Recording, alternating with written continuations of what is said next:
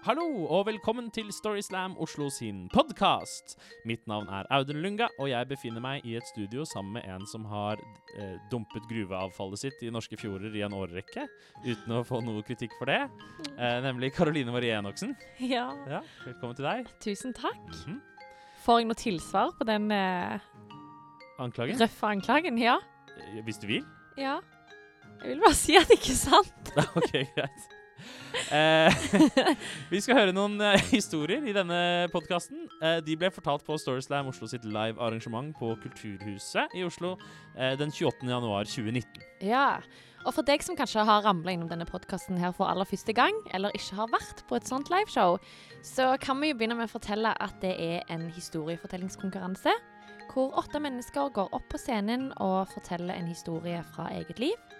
Og så får de poeng Mm. etterpå. Og den første fortelleren vi skal høre, Jakob Berg, eh, han vant eh, denne kveldens konkurranse. Eh, og historien vi skal få høre, det er historien som gjorde at han kvalifiserte seg til å delta i finalen. Ja. Her får du Jakob Berg.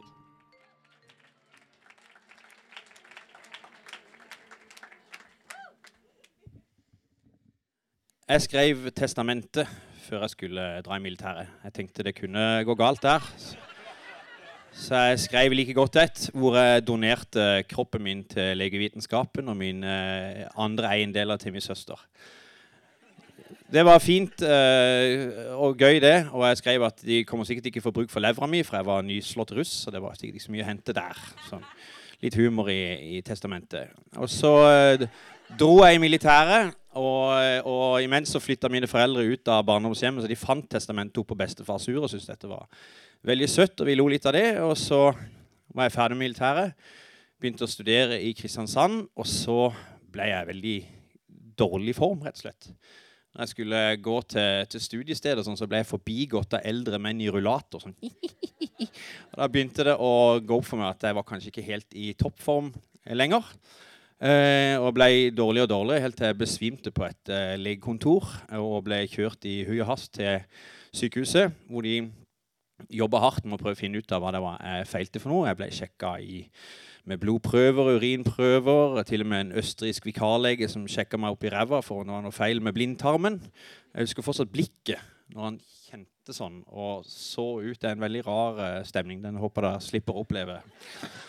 Alle sammen. Det, fø føltes som det var flere timer han holdt på, men jeg tror det bare var et minutt. eller noe sånt. Men eh, det var ikke noe feil der heller, så eh, jeg ble bare sykere og sykere. Til slutt så kunne jeg ikke stå, jeg kunne ikke gå, jeg kunne ikke sitte, jeg kunne ikke ligge. Alt var like ubehagelig. Og eh, jeg ble til slutt lagt til sengs med masse kanyler og ledninger opp i armene og målinger og instrumenter og skjermer. Og mens jeg prøvde å finne ut av hva jeg feilte for noe. Og um, En dag da mine foreldre og min søster var på besøk, og en kamerat også skulle komme uh, for å se til meg, så plutselig så kasta jeg bare opp masse. Og så gikk alle instrumentene rundt meg fullstendig amok. Det var sånn som du har bare sett på TV. Sånn. Og det kom leger i massevis rundt meg og prøvde å finne ut av hva det var jeg feilte for noe. Og da var det en blodpropp som var på vei opp over kroppen til hjernen. Hvis den kommer til hjernen, så dør du konstant. Eh, og de prøvde å fikse dette. Mens de jobba på meg, så steig rett og slett Dette høres litt sånn science fiction ut, men det, det skjedde altså. Så steig bevisstheten min opp, så jeg kunne se meg sjøl ovenifra. Liggende i sykehussenga sånn med armene ut sånn.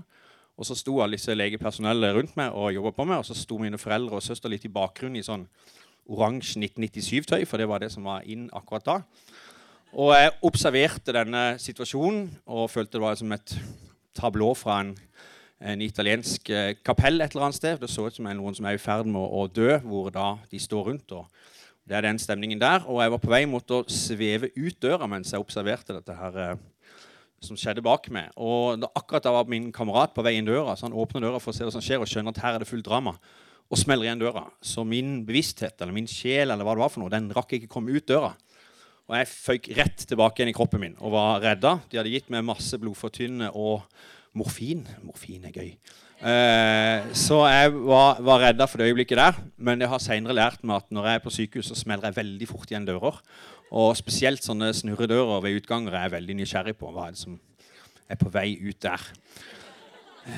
De fant eh, ikke ut hva jeg feilte på på, på sykehuset i Kristiansand, så jeg ble flydd med ambulansefly til Oslo. Hurra for velferdsstaten. Og der ble jeg undersøkt nøye. Og til slutt, så en dag hvor jeg satt og spiste frokost, så kommer bare en lege bort til meg og sier Berg, eh, du skal ha nytt hjerte. OK, det skal jeg. Og jeg tenkte sånn Fett. Det, når kan jeg få det? For jeg var ikke frisk i det hele tatt. Og den andre tingen jeg tenkte var at fint, jeg har jo allerede sagt at jeg vil donere mine organer til andre, så da kan jeg jo ta imot de med god samvittighet. Og det passa meg bra. Uh, og tida gikk, og jeg ble satt på venteliste for å få nytt organ.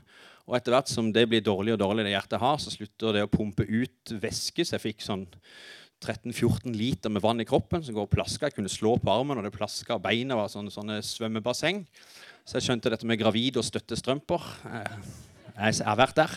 Eh, og, eh, og jeg havna på vannrestriksjoner. Jeg kunne ikke drikke mer enn tre kvart liter vann per dag. Og da kan jeg tenke der, Når du ikke kan drikke noe, så har du bare lyst på å drikke hele tida. Så jeg måtte gå med et tannglass og en tannbørste og så sutte på den hele tida for å bare ha væske i munnen. Uh, og etter hvert som jeg ble sykere og sykere, så utvikla jeg jo en viss dødsangst. Jeg tenkte nå dør jeg snart. Uh, og uh, jeg var i Kristiansand og tenkte ok, jeg kan jo prøve å bli kristen for å være sikra i tilfelle skulle gå rett i dass. dette, skulle daue. Så jeg tenkte ok, jeg prøver å bli kristen. Og det er jo en enorm tilgang på kristne sykepleiere i Kristiansand. Så jeg fikk en av de til å trille meg rundt på sykehuset og snakke om Gud og Jesus. Funka dårlig. Men, uh, men, en dag så kom telefonen, eller personsøkeren som var da, dette var i 1997, om at jeg hadde fått et nytt hjerte, så jeg kunne ta uh, flyet til Oslo. Ble vaska, dusja, rensa på alle måter barbert og operert om natta av en same som var veldig god med kniven. Det var det siste de sa til meg før jeg ble trilla inn på sykehuset. Det er Lykke til. Så får du en sånn maske over ansiktet som lukter råtten potet. Og så er det det siste jeg husker med gammelt hjerte. Våkner opp neste dag med en enorm takknemlighet for å være starta på nytt. Jeg fikk kateter innsatt, så jeg tissa 14 liter på et par timer der den dagen. Hjertet virka så godt at hele kroppen rista når jeg lå der sola skinte inn, og jeg kjente bare at, ja, at, at, det er mulig at dette går an. Det er bare helt fantastisk for eh, legevitenskapen, for alle som hjelper rundt, og ikke minst den familien da, som har vært villig til å gi eh, et organ sånn at jeg kunne leve videre. Og jeg var utrolig glad for at jeg hadde sagt det samme sjøl, at jeg ville være villig til å gi det. Og nå, dette er da 22 år siden, og nå like etter nyttår så var det en god venn av meg som mista et av sine minste barn. Fem år gammel gutt. Og De ble spurt om de ville donere organene. Det gjorde de. Så i disse dager så går det tre andre barn rundt med organer som de fikk pga. denne tragiske ulykken, som da betydde noe bra for andre. Så min oppfordring er til dere send en melding til deres pårørende. Jeg er donor. Takk for meg.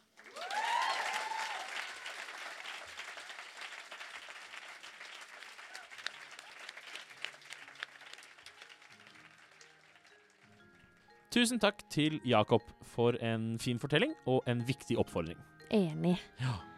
I neste fortelling så skal vi jo bevege oss litt lengre sør på verdenskartet. Ja, og litt lenger sør på kroppen. Ja.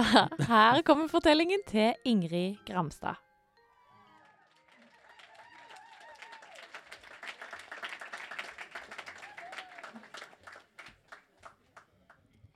De fleste har noe som de er engstelige for. Noen er redd for å gå til tannlegen, andre er redd for å fly.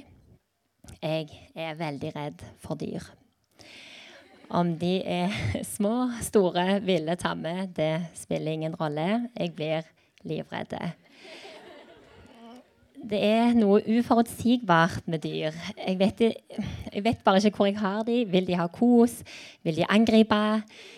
Det gjør meg vanvittig utrygg. Samtidig så er jeg opptatt av at dette ikke skal hindre meg i å leve det livet som jeg ønsker å leve. så da syns jeg det er viktig å eksponere for eksponere meg, da, for dyr. Um, og da kunne jeg selvfølgelig um, oppsøkt en bondegård eller passet noen sin hund. Um, I stedet så valgte jeg for fire år siden å dra på en um, safari-telttur i fem afrikanske land. Denne eh, turen, så da var det jeg som var deltaker, sammen med 15 andre fra eh, forskjellige europeiske land. Og vi hadde én ting til felles, og det var at vi hadde meldt oss på denne turen. I tillegg så hadde vi en, en lokale guide. Um, og eh, noe av det første vi skulle gjøre på denne safariteltturen, det var eh, å padle i kano eh, i tre dager eh, på Zambesielva, eh, hvor vi òg skulle overnatte eh, langs elvebredden. Og Zambesielva er kjent for sin høye populasjon av flodhester og krokodiller. Som for øvrig er de to dyra som dreper flest mennesker i løpet av et år i Afrika. Og allerede her begynte jo alarmene å blinke i mitt hode. Eh, men eh, vi skulle, før vi skulle gå i kanoene, så samla vi oss rundt eh, guiden. Og han skulle gå gjennom eh, noen sikkerhetsinstruksjoner. Og de var som følger. 1. Aldri ta hender eller føtter ned i vannet. All bevegelse er lik mat for krokodillene. Og de vil angripe. OK. Eh, nummer to. Eh, hvis du faller ut av kanoen fordi du blir angrepet av en flodhest, så må du for all del ikke holde eller prøve å flyte på kanoen, fordi eh, flodhesten vil i eh, 90% av tilfellene angripe på ny. Og da vil den gå for det største elementet, og det vil være kanoen. Så du må på en måte bare holde deg flytende aleine. altså, hva faen? Okay, ja. Som dere sikkert skjønner, så hadde ikke jeg så veldig lyst til å være med på den kanoturen lenger. Um, men det var bare det at alternativet var å være igjen alene på land, uh, hvor det var løve, elefanter og alle de andre dyrene i Afrika. Um, så jeg følte at jeg liksom fikk valget med Vil du bli spist levende alene? Eller vil du bli spist levende sammen med den her vilkårlige gruppa som du reiser sammen med? Så jeg valgte å gå eh, for det siste. Så jeg tok padleåra mi og satte meg i kanoen som jeg skulle dele med en fyr fra Belgia. og vi kom ut på denne Sambesi-elva, og det var så eh, uklart vann. Du så ingenting. Det eneste du så, var bare at det kom opp sånn viftende flodhestøyre som bare liksom kikket litt på deg med øynene, og så bare sank ned under overflaten. Og før de dukket opp en annen plass. Også, og det samme var med disse gule krokodilleøynene. Og det var så mye dyr at Ja, det Ja. Eh, jeg var helt lamma av skrekk. Jeg tror ikke jeg padla noen ting. Men så sier han eh, fra Belgia, som jeg eh, sitter i kano med, så sier han sånn Å, jeg hadde et sånn blodig kutt i fingeren min, men jeg er så glad at det eh, grodde nå før vi skulle på denne kanoturen. Og da slår det meg. Jeg har jo mensen. Og i all fart så har jeg på en måte glemt dette litt ut. Og nå er jeg liksom ikke bare et uh, byttedyr i denne skrale kanoen. Jeg er faktisk ei blødende lokkedue.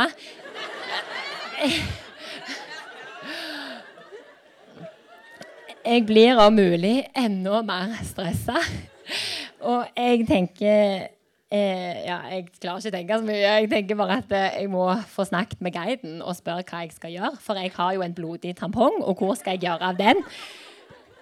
Og vi kom i land omsider etter første dag med kano. Eh, og jeg får springe til guiden og eh, sier noe sånn som at Excuse me, I have my period and now I have a bloody tampon and I don't know, no, think about the crocodiles and what am I supposed to do?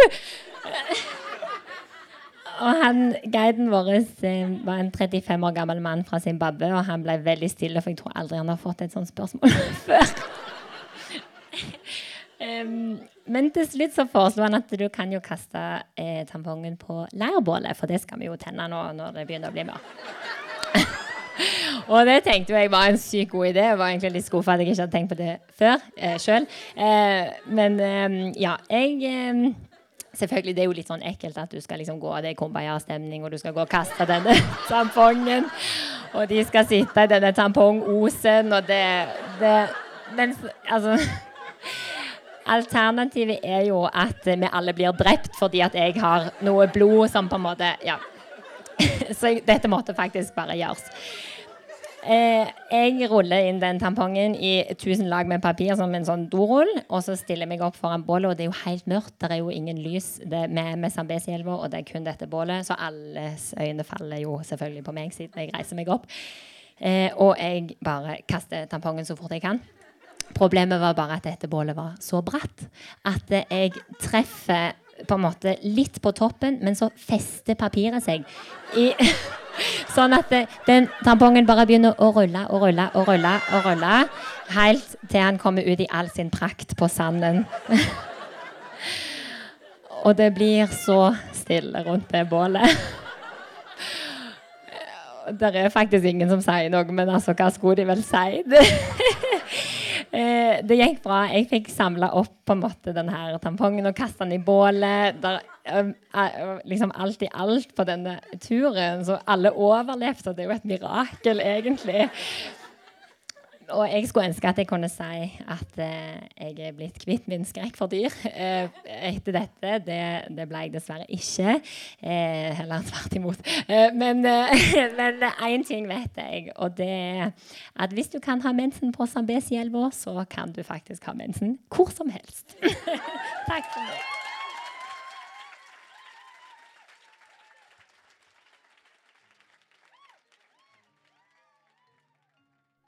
Tusen takk til Ingrid. Hvordan er det med deg, Audun? Har du noen fobier? Eh, ja. Eh, jeg har i lengre tid eh, strevd med en, en sykelig irrasjonell frykt for kvinner med skarre-r. Oi, OK. Mm. Så disse timene vi tilbringer sammen i podkaststudio, de er egentlig teknisk sett eh, eksponeringsterapi for deg, da? Ja, absolutt. I aller høyeste grad. Ja, Oh. det si. Det er hyggelig, da, at jeg kan hjelpe med det.